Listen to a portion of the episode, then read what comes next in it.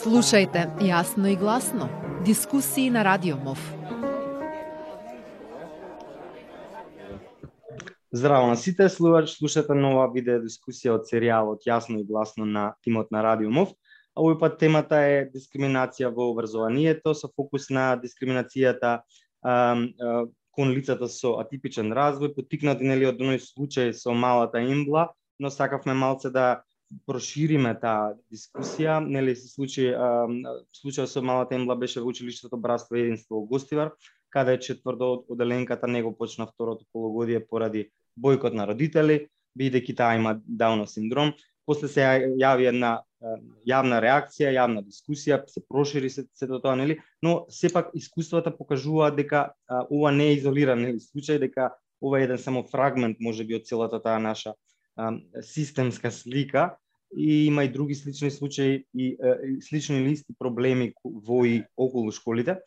А, од тука би рекол дека освен што ќе го држиме овој случај актуелен, идејата е малку нели реков што реков подлабоко да навлеземе во, во целата тематика, а, да продреме во сето она што значи а, дискриминација во училиштата, а, она што значи инклузија нели во училиштата и да допреме до самите проблеми до а, кадарот, до училиштата, до условите, до односот на родителите, наставниците, а, специјалните едукатори со со децата со атипичен развој, нели за да можеме да зборуваме за инклузија и за надминување на таа дискриминација, сегрегација или маргинализација на децата со атипичен развој. На малите екранчиња, сега тука ви рекол, на, на малите зум екранчиња ги гледате на оваа зум дискусија ги гледате Сузана Стојановска, која е, би рекол, еден активист, исто дел од Сдруженијето за рехабилитација и инклузија на лица со Даунов синдром Доза среќа и е мајка на дете со Даунов синдром, па го има сето она искуство кое е потребно за, за оваа тематика. А, тука и Данче Тодоровска, таа е специјален едукатор и рехабилитатор во а, Сдруженијето за рана стимулација, развој а, и игра кај деца креатива Исток А, тука го имаме и Исмаел Камбери, а, кој што е, кој што прочитав истражувач, но ја го знам и како долгогодишен следач на случувањата во однос на а, маргинализираните лица, почитувањето на човековите права, но тука е денеска во улога на дел од Комисијата за спречување и заштита на дискриминација. А, Исмаел ви почнал со со тебе, а, бидејќи некако чувствувам потреба дека а, на комисијата отвори постапка рече дека ќе отвори постапка по службена должност за сегрегација на четврто оделенката Ембла. Најавивте дека ќе извршите увид во, во училиштето, нели, дека се остварени контакти со градоначалникот Таравари и директорот на училиштето. Прашале до кај е целиот прошаш, што е увидено во, во, во целата во целиот овој случај? Да, најпрво благодарам за поканата и добро вечер на сите. Да, како што кажавте, значи комисијата веднаш после написите на медиумите оствари средба со градоначалникот на Гостивар, дел од стручниот тим на училиштето каде што детето не сите да го кажуваат името, но мора се пази дека треба се заштити идентитетот на на тоа дете. И родителите кои што знаете има подпишано петиција а, за бойкот, односно со закана дека ќе ја бойкотираат сата доколку тоа дете продолжи да учи со нив. А, после таа средба а, имавме седница на која што се разговараше за овој случај и а, после тоа се договоривме а, да направиме уште еден ненајавен увид. Значи, после тоа ден-два после таа седница, јас и мојот колега Лимко бејзаровски исто член на комисијата, на отидавме во гостивар и направивме не најавен увид за да се утврдиме дали а, тоа девојче е на вистина сегрегирано или па а, учи заедно со други останатите деца во училиштето.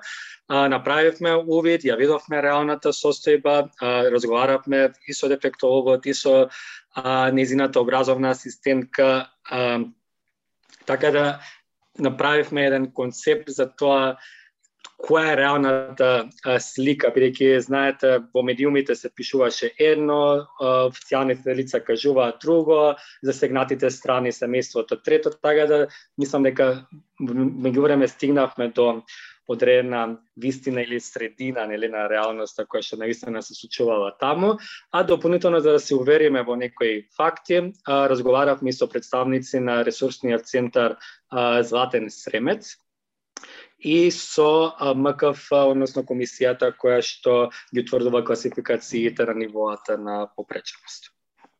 Што е точно утврдено еве до до до сега до до овој момент? Може да ми кажеш како да просто ми кажа нели сето она што сте го правеле дали а, а, дали уште собирате информации, дали наскоро ќе излезете со нешто јавно, зашто знам дека тогаш најавте кога ќе има некаков заклучок на, на целата ова ситуација ќе излезете во јавност со некои информации. Да, баш денес го разговаравме повторно овој случај, така да а, мислам дека не е фер да излегуваме сега со детали за тоа што точно ќе има во мислењето, но треба се очекува дека може би за ден, два или најдоцна до почетокот на наредна недела веќе да имаме усвоено мислење за, за овој случај, така да мислам дека не е фер оннапред да ги кажувам кои факти а, се утврдени во, во случајот.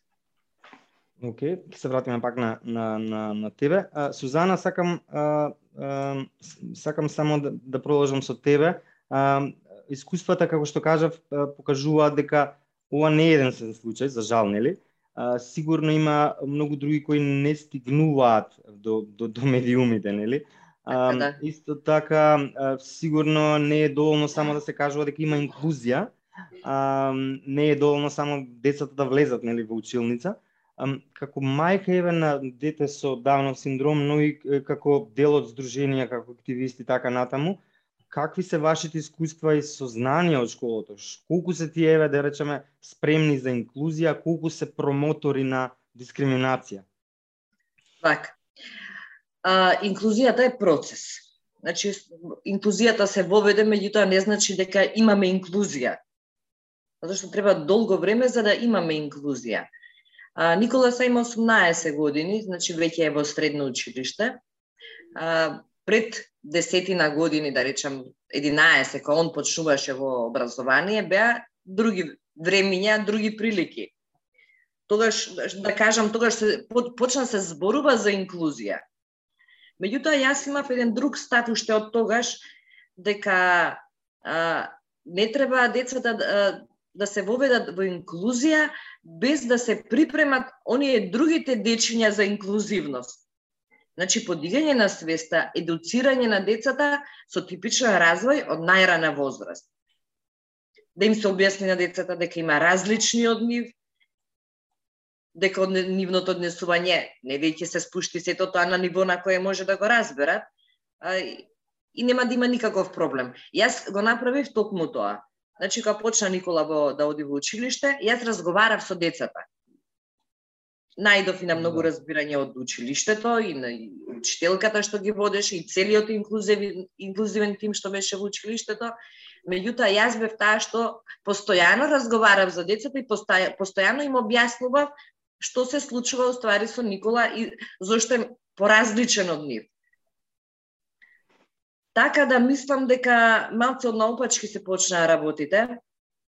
Прво се ставија децата во училиштата, па поче, после почна да се зборува за инклузијата.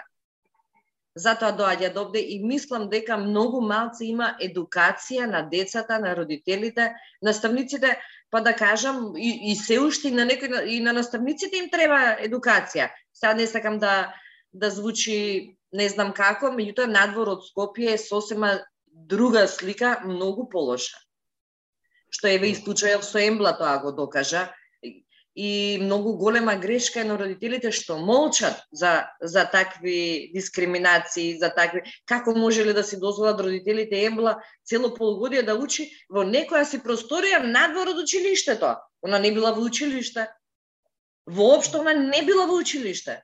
Добро, но, но веројатно мнозинството родители, еве да речеме, и еве да речеме дека не е изолиран случај, на друго место мнозинството родители кога а, реагира на, на таков начин и самото школо некад поттикнато е и од самото школо, нели таквите редакција, реакции затоа што и самите училишта некад ги отфрлаат велики дека така. немаме услови, немаме можности и сега родителите на како Имбла еве сега ќе земам, можеби не треба пример да ја земам само Имбла, но таквите родители се најад се наоѓаат во чудна ситуација, благоречено, нели? И тогаш они што да прават, еве? веројатно преостанува за да буткаат, да, да викаат да се повикуваат можеби неве на законот на за основно образование, на конвенции, на на така, прво, дека им се врши да, дискриминација. Прво, прво грешката грешката е кај наставникот. Значи тој не смел да дозволи ученик да му учи надвор од училницата. Прво е наставникот грешката. Каде е тимот во училиштето? Сигурно има некој тим педагог, некој си психолог или не знам што нешто, некој тим има во училиштето. Директорот, како може да се дозволи? Ако си директор, ти мораш да го знаеш законот за образование. Мораш да го знаеш. И не сме недозволиво да се вади нема услови. Како нема услови? Клупа и столче има.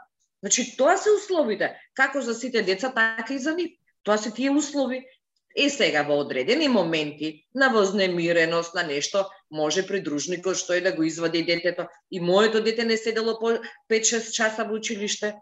Сум го оставала додека има концентрација, знам 3-4 часа има концентрација и може да ги издржи, ќе одам ти го земам за да не им смета на другите деца. И за него е непродуктивно да седи понатака затоа што нема ништо да научи. Зашто е вознемирен, нема концентрација, толку е. Меѓутоа, тие 3-4 часа ќе ги седи таму каде што треба, во училница со другарчињата. А, вака би малце би ја прашал сега и Данче нешто. Сузана малце начна од следното прашање што сакав да, да го поставам, а тоа е околу а, самата едукација. На едно место рековте дека еве родителите ќе ги едуцираме, но веројатно треба и паралелен некој процес едукација да да да, да, да постои за специјалните едукатори, а, односно дефектолозите, нели, се специјални едукатори кои што влегуваат во училиштата како образовни асистенти, нели, а тука се наставниците, но тука се директорите кои што крај крајава треба да обезбедат и инфраструктура и буџет и се во, во школите. А, како процесот еве ти како специјален едукатор, што мислиш каде еду, еду, едукацијата треба да се насочи во, во сите овие случаи? Здраво на сите од мене. За почеток би сакала прво да се заблагодарам што ме повикавте да бидам дел од оваа емисија. А да ти одговорам на прашањето каде да се започне едукацијата. Најпрво секогаш мислам дека се прво доаѓа од семејството. Тоа е секогаш за мене како основа, затоа што семејството ни ги поставува сите основи а, за се што знаеме буквално во, во нашиот живот. И мислам дека за за било која едукација ние да, да можеме да ја разбереме треба да имаме емпатија. А емпатијата мора да да ни дојде од родителите, да ни дојде од тоа некое такво а, обкружување да речам, каде што а, чисто да бидеме прво едуцирани како ете како деца порано и сега децата и понатаму дека треба да имаме разбирање за луѓето околу нас и дека не е се така црно и бело, туку напротив има многу сиви и многу разни бои во во спектарот. А, во однос сега на а, едукацијата во, во школите, сите поминуваат одредени едукации. Значи, и наставниците поминуваат едукации за деца со посебни образовни потреби. И асистентите кои што сега влегува во училиште беа исто на, на едукација, значи ресурсните центри кои што се тука Златен Срем Мациднина, правеа едукации за тие а, за тие асистенти. Сите што се вклучени во во во образовниот процес одат на некои доквалификација, не доквалификација, туку на некои а, на некои обуки. Но работата колку тоа всушност се применува во во секојдневието, колку колку некогаш па има шанса да се примени нештото во а, а, во секојдневието. Реално едукацијата да, но за да најпрво за да нема дискриминација во, во образованието и било каде, мора да имаме емпатија, мора да разбираме што се случува со другиот. Сузана беше во право, мора да сме едуцирани. Што се случува, зошто е тоа различно, затоа што нормално кога ќе видиме нешто различно, одма се поставуваме некаков гард и си викаме да не случајно ова се рефлектира на мене. Никогаш или многу ретко можеме некако се ставиме во чевлите, во чевлите на другиот за да видиме што всушност се случува, зошто се појавува вознемиреност или зошто тоа е различен, бидејќи за се има причина. Е тука е таа едукација која што мислам дека треба да се да се прави, зошто нештото се случува, зошто се јавува таа вознемиреност, зошто тоа дете учи со мене сега моментално, како јас можам да му помогнам на тоа дете, ако сум јас ученик, како можам да му помогнам на тоа дете. Јас искрено во основно образование имавме детенца кои што имаше посебни образовни потреби, иако тогаш ете немаше нели целосна инклузија и било како, но јас добро се сеќавам како наставничката имаше пристап кон, кон нас како деца и како пристап кон него. Значи, тој беше секогаш заштитен и од наставничката и од нас. И ние секогаш бевме точно информирани ам, што му е него потешко, како за почеток, како ние да се справиме во дадена ситуација, како да го мотивираме во, во одредени ситуации кога тој треба нели да го покаже своето знаење, едноставно како да ја модификуваме средината секојдневно и нашето однесување во согласно со него, бидејќи стварно мора да постои некое некое прилагодување. И тука мислам дека треба да се работи во однос на тој дел на едукацијата. Тие потреби и како да ги задоволиме. Затоа што да не забравиме дека и сите ние имаме посебни потреби. Значи секој еден си сака да му е нешто на одреден начин. Како да, да, да, тие работи може да ги разбериме, тогаш можеме и овие другите кои што се можеби навидом малце потешки, но искрено мора да се да се гледа малци и пошироко. Да те прашам, ја спомна, извинете, ја спомна едукацијата која што и образовните асистенти и наставниците а, ја имаат од, од, од, од предходнава нели 2021 кога почнат тој нели новиот систем на образовна система, но дали сметаш дека еве неколку часа само со неколку часа може да се развијат некакви компетенции и чувство на грижа кај наставниците и образовните асистенти или мора може би треба да помине паралелно и некаква друга едукација да има у целиот тој процес за да за да може малце посуштински поефективно да биде тоа во школите. Затоа што еве сега не кажа дека се одржуваат часовите, но верувам дека ќе се јави потреба и понатаму а, за и плюс некакви паралелно да се прави нешто во целиот процес. А, да, сигурно, затоа што колку и да е таа обука ети, колку и да траела, недела дена, две недели, месец дена, нека било сепак, нели не излегува готов производ од тие обуки за сите предизвици кои што ги чекаат, а верувам дека не се малку. Значи, јас сум учествувала во образование како асистент, сум работела една учебна година и знам дека не е лесно да се справиш со сите а, секојдневни предизвици кои што се појавуваат пред тебе како асистент на дете со а, со посебни потреби. И стварно треба време да помине. Сега пак кај нас се ова една година каде што се случува, може би може да се каже како пилот година каде што се гледа од прилика каде се греши, каде треба да се дополни, каде да се одземи или било како, но да, мислам дека треба да би се согласила со тоа дека ете треба да има и уште нешто плюс паралелно, па што и да е тоа, дали се тоа дополнителни семинари, дали се тоа дополнително време поминување со детето или нешто да се изнајде во согласно со потребите и секојдневните предизвици, за сето тоа нонстоп да се надополнува и да нема простор за некои вакви работи, па ние после да, да треба нели да, да интервенираме. Наставно да не дојдеме до, а, до, до таа ситуација. Да, и мислам дека прво, пак ќе се навратам на тоа дека прво човекот како човек треба стварно многу да сака да се да се труди и да се вложи за да може да ги имплементира сите работи кои што би ги научил на, на сите тие едукации. Ако може да се надовртам. Може слободно.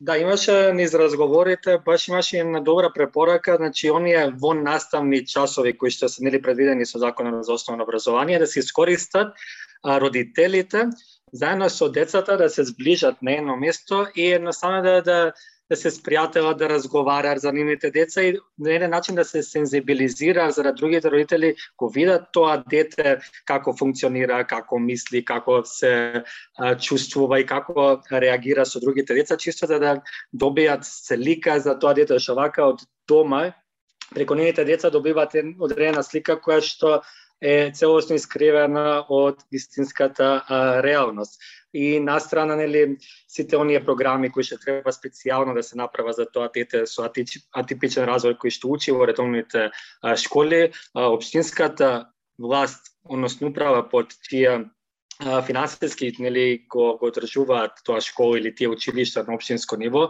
треба исто така да обезбедат ресурси за да ги приспособат училиштата за која ќе дојде дете со типичен развој да има соодветни простори за да тоа може да учи без разлика дали се за на попреченост или за нешто друго, може да се земе многу добар пример од ресурсниот центар од Златан Стремец, каде што јас бев лично воодушевен со тоа какви простори има а, внатре за деца со типичен развој. И дополнително, значи, оние учени преку петиции, без разлика дали станува збор за ова школа или војнина, доколку има други, секоја уцена за едно дете ти не пушташ во училиште е директно во спротивно на најдобриот интерес на детето за гарантирано со конвенцијата за правата на, на децата, така да и директорите или раководителите не треба да дозволат да подпаѓаат под притисок за да удоволат на одредени а, желби на родители, бидејќи секако не е во насока на доброто на било кое дете да отсутствува во училиште, а да не зборувам дека е спротивно на законот за основни за средно образование. Да, да. Еве, Исмаил, на пример, да дадеме ситуација. Јас имам, еве, пример, дете со аутизам, а, го запишувам во прво училиште, во некое независно какво основно училиште и доаѓам до ситуација каде што директорот, педагогот, а, работените таму ми викаат немаме услови за вашето дете, вашето дете е со попреченост, немаме што да му правиме, што да правам еве ја кај се родител. А, ако не знаме, не знаме бе, пуно родители не знаат што се наоѓа во законот за, за основно образование дека изма измени, не знаат за конвенциите кои ги Што да правам ја дека? Да се обратам кај вас, кај да се обратам како родител? Чисто пример да им даеме на другите родители. Има има многу здруженија што работат како поддршка за поддршка и на родители Има, еви на, на Facebook има посебна група, посебни родители, каде што има многу родители вклучени. Значи, тука се отворени се сите здруженија, каде и да се јави родителот, секаде да ќе му дадат настоки што треба понатака да прави. А би се надоврзала на Данче, она што фали за образов... образовните асистенти, нели, покрај онаа едукација што има недела, две, три, колку е тамо, не знам, а, им фали пракса. Најбитното нешто им фали. А најголемата грешка мислам дека во инклузијата по мене како родител и мое видување а, се направи со оној пилот проект на UNDP.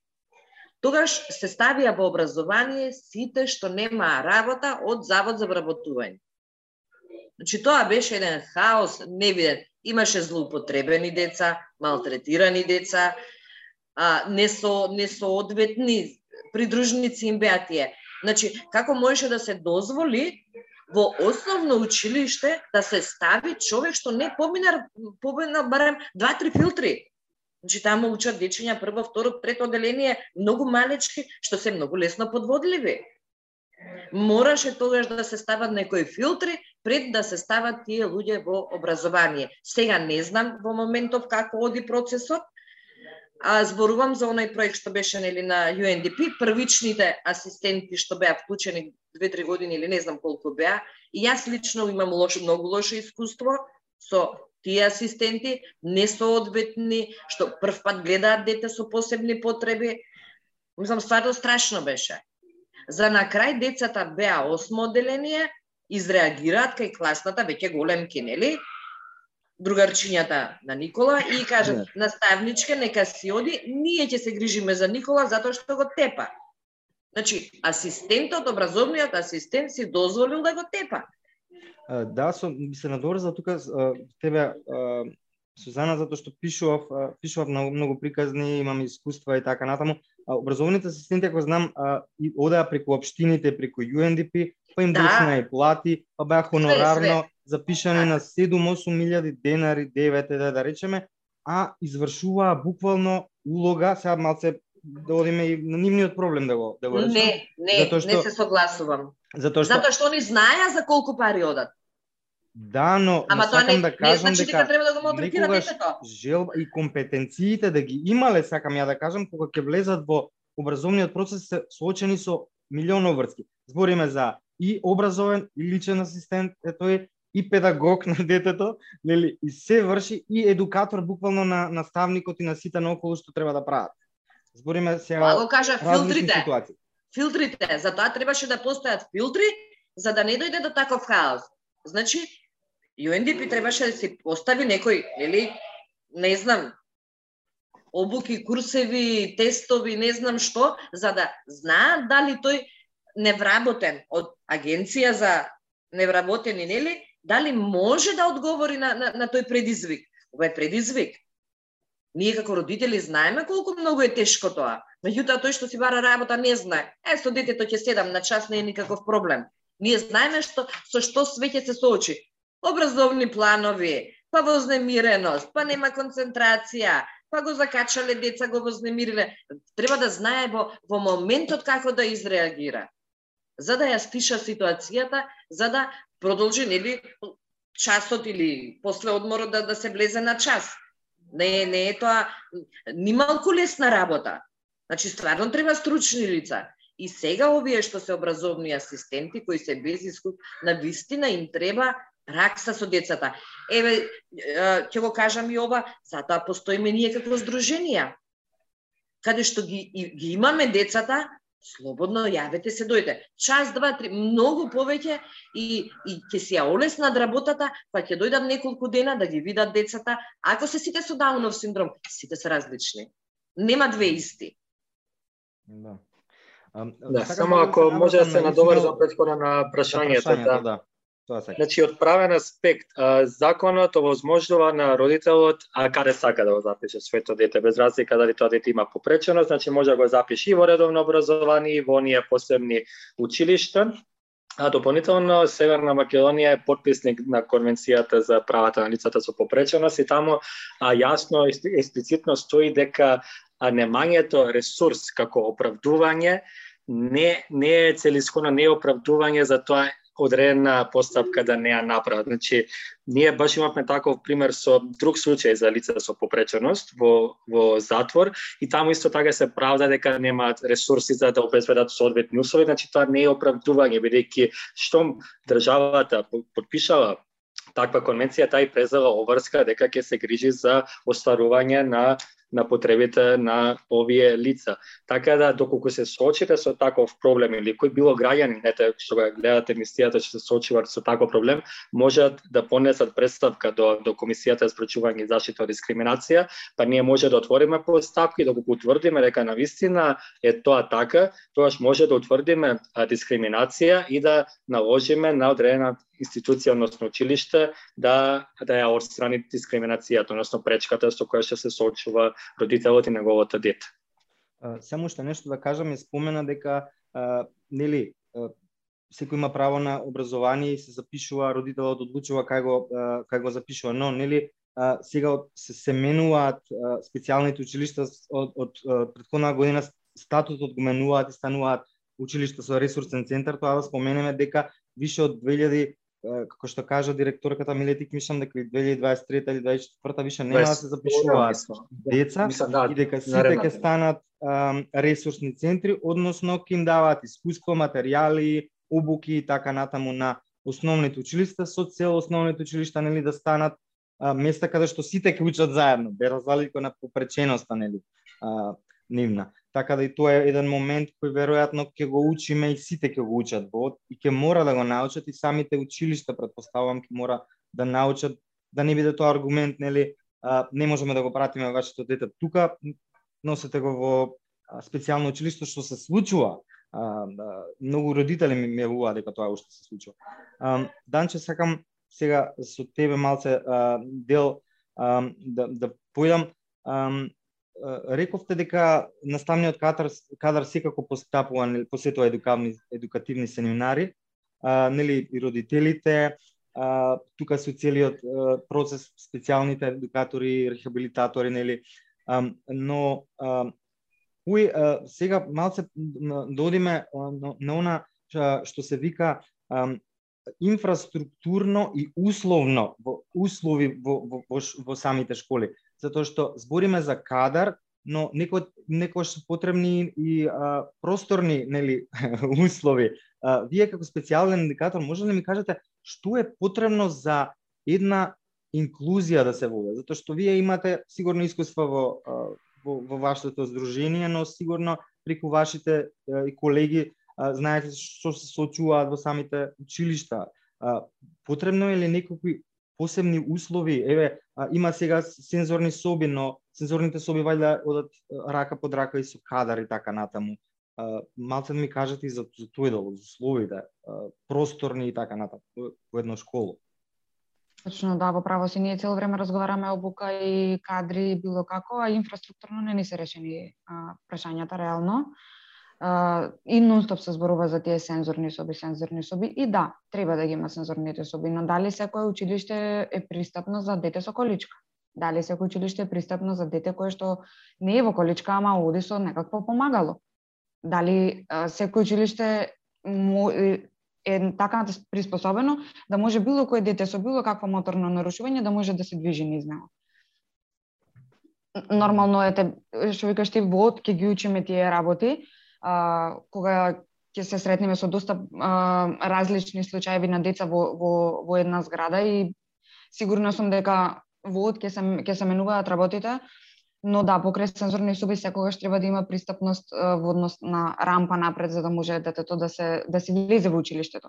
Ходниците да бидат доволно широки, детето да може да се движи низ а, а, низ училиштето непречено, а истовремено да да не се ствара толку голема гужва да не случајно некој некого повреди или да не може едноставно да се осуди детето да излезе надвор од, од училницата затоа што има премногу гужва. Не само за моторни нарушувања, туку и сензорни нарушувања. Деца кои што едноставно не можат да се справат со толку голема бука. И тука стварно треба многу да се многу да се посвети време на тој индивидуализиран пристап и да се разгледаат сите можности и потреби и што се треба да се а, а, да се прилагоди за едно дете. Може би на некој дете ќе му требаат слушалки кои што ќе пригушуваат а, буката. Не, тоа дете ако има ако е аудитивност а, хиперсензитивно не значи дека треба да го ставиме во сензорна соба. Или ако имаме дете кое што е визуелно хиперсензитивно, исто така нема да може да оди во сензорна соба. Што значи да, сега се гледаме нонстоп, ова училиште опремено со таа соба, ова училиште опремено со таа соба, но таа соба не ги задоволува сите потреби на, на ова не знам, јас би ставила држачи по походниците на училиштата да можат да се придвижат учениците. Од едната страна ете нека биде асистентот, од другата страна може би детето ќе може и дури може би и самостојно ќе може да се движи со со тие со, со тие држачи. Клупите да бидат приспособени, самата училница поставеноста на училницата, поставеноста на детето во, во однос на, на таблата, во однос на другите деца, дополнително ќе има многу работи како што реков кои што ќе треба да ги а, а, да ги учиме и м, треба стварно доста време да се посвети за да се задоволи сечива потреба. А не знам да. колку нашиот образовен систем ќе може да одговори на на, на тие значи, потреби. Значи, училиштата само треба, треба пошироко да размислуваат да не биде на крај крајва еве имаме сензор на соба и го решивме проблемот, нели? Точно, Или пак точно. у смисла на еве имаме донатор, доаѓа донатор, ни донира нели сензорна соба, ние ја примаме и не размислуваме ниту за кадарот кој ќе работи внатре, ни како таа сензорна соба ќе функционира и дали воопшто ќе помага некому. Точно, точно. Затоа викам, ти мисл, мислам дека општото мислење е дека ако детето е вознемирено, сензорната соба ќе му помогне. Да, но нека и сите. Не е така. Ако е визуелно хиперсензитивно и ако ги гледа балоните каде што се движат, дополнително ќе се вознемири ако се плашат тем или било како мислам, стварно треба многу да се да се гледа тука и, и да, треба да работи стручен кадар внатре и да знае точно, ама, ама и да го знае детето, да ги знае спецификациите на детето. Јас себе нели работам со, со дечиња, ама тие дечиња ги, ги викам мои, затоа што јас знам точно што му треба на одредено дете во даден момент. И знам зошто се се се вознемирило или како можам да го испровоцирам. Тука се многу работи кои што треба да се скоординираат и да се контролираат, а мислам дека не секогаш можат да се координираат и што е нормално, затоа што тоа е училиште каде што има еден клуб деца и не можеме на сите наеднаш да им одговориме, но мислам дека секое дете со посебни образовни потреби треба да биде многу добро запознаено. Мислам, кадарот околу него многу добро да го познава, за да знае како да ја менеджира ситуацијата кога ќе дојде до до таква ситуација. Затоа што кога е добро, нели, тоа ще се супер. Ама во, во моментите кога него му е тешко, тогаш не тогаш треба да му да му се излезе во пресрета и да му се пружи поддршка, да му се пружи помош, ама да се знае како и да се знае на кој начин тоа треба да се да се пружи. За крај би сакал пак да да позорувам и со Исмел и со Сузана, сака да се надоврзат. Интересира до сега Еве инклузијата дел се рашаваше систематски дел од државата, оди споро, нели, сите учиме у процесот, а, од друга страна па дискриминацијата некако кога збориме за дискриминација, имам некаков впечаток дека како дискриминацијата да е заглавена само во невладиниот сектор, нели? А, И а, главно и тоа кажува и самата комисија од, за дискриминација е составена од личности што биле дел од невладиниот сектор, нели? И тоа кажува многу за, за самата држава докаде стигнала. Еве Исмел, ти да ми кажеш после Сузана ќе прашам на, на крајот, а, како како да, да излеземе од, од таа дупка од, од да не биде само дискриминацијата заглавена во невладен сектор, но и да почнат институциите и кои институции, кои министерства, кои инстанции, кои инспекторат и сега да се вклучат во целиот процес да да има ефект да не збориме еве сега ние ќе водиме емисии, ќе ќе одиме нели на конференции, ќе држиме обуки, но како да и паралелно институциите да се вклучат. Да, само да напоменам совесно биографиите на членовите, мислам дека тројца бевме само од невладин сектор кој се доаѓавме од купна седум да не добијат погрешна и слика и граѓаните. Добро, ама пак пак пак и тројца се допира. Доста луѓе. Да, да, да. Да, но секако нели најгласни се граѓанските организации кои станува збор за дискриминација и неправда, она што би сакал да кажаме граѓаните да имаат доверба во, во институцијата, ако немаат во другите, да речеме, да има доверба во Комисијата за заштита од дискриминација, бидејќи ние сме независно тело, професионално тело, кои што за да бидеме избрани, требаше да, да исполниме одредени критериуми кои што се поврзани нели од областа на човековите права и дискриминацијата. Така да ние правиме се што е во наша мок и до сега имаме одредени резултати каде што утврдуваме дискриминација. Дискриминаторите после ја отстрануваат дискриминацијата, бидејќи ако а, не ја исполнат нашата препорака или укажување, ние имаме, имаме право и да поведеме прекршочна постапка спрема тие лица и соодветно да бидат казнени, казнети парично пред а, суд. Така да во тој поглед ги патувам апел до сите граѓани, ги повикувам да поднесуваат представки до, до нашата комисија. Тоа може да го сторат и лично, и преку вебсајтот на комисијата, односно kszd.mk и таму има, ќе видите, ударно е дугмето за пријавување дискриминација, а може и онлайн преку нашата веб страна, бесплатна е постапката и е многу брза и едноставна. Така да ги упатувам граѓаните да проверат веб страната за да се увидат и самите да утврдат дека е премногу лесно да се пријави дискриминација, па со тек на време нели да да откорениме а, нееднаквост и неправдата што се случува во сите пори, не само во образованието, и во работните односи, пристапот до јавни добра и услуги и така натаму и така натаму. Ние баш пред некои дени утврдивме и сегрегација во основните училишта каде што родители на деца намерно не ги запишуваат своите деца во одредено училиште бидејќи таму учат претежно деца од ромска етничка припадност. Значи видете кој е абсурд. Значи намерно за неќе да се мешаат со други етникуми а, во дареното училиште, така да и за тоа утврдивме, бидејќи се злоупотребува реонизацијата што е дадена во Законот за, образу... за основно образование. Но со тек на време сметаме дека со нашата работа и со работата и на Народниот правобранител и со други релевантни институции, чекор по чекор, малце ќе ја подигнеме свеста кај граѓаните во овој поглед. Фала ти, Исмаил. Она што само уште на почетокот ти кажа дека ќе ве држиме за збор сега да имаме што ќе испадне и со случајов што го рековте, дали ќе имате некаков заклучок, а, да знаеш дека пак ќе те барам за некој ден за случај да те прашам. Значи тоа наредна недела би требало да го има. Добро. И ќе ти а... пишам веднаш што го имаме. Благодарам, веројатно јавно ќе ќе пуштите Дефинитивно Знам дека имате и Facebook страна и, и сајт сега имате, така да. Um, да, на ќе статим и сообщение да ми биме. Фала Сузана би, завршил, би заокружил еве со тебе. Како гледаш сега на, на сите овие ситуации? Начнавме повеќе работи од цел, целокупната слика, нели, да, да ја начнеме. А, каде се сега решенијата? Што што од тука натаму? А, каде треба да, да, да тераме сите ние?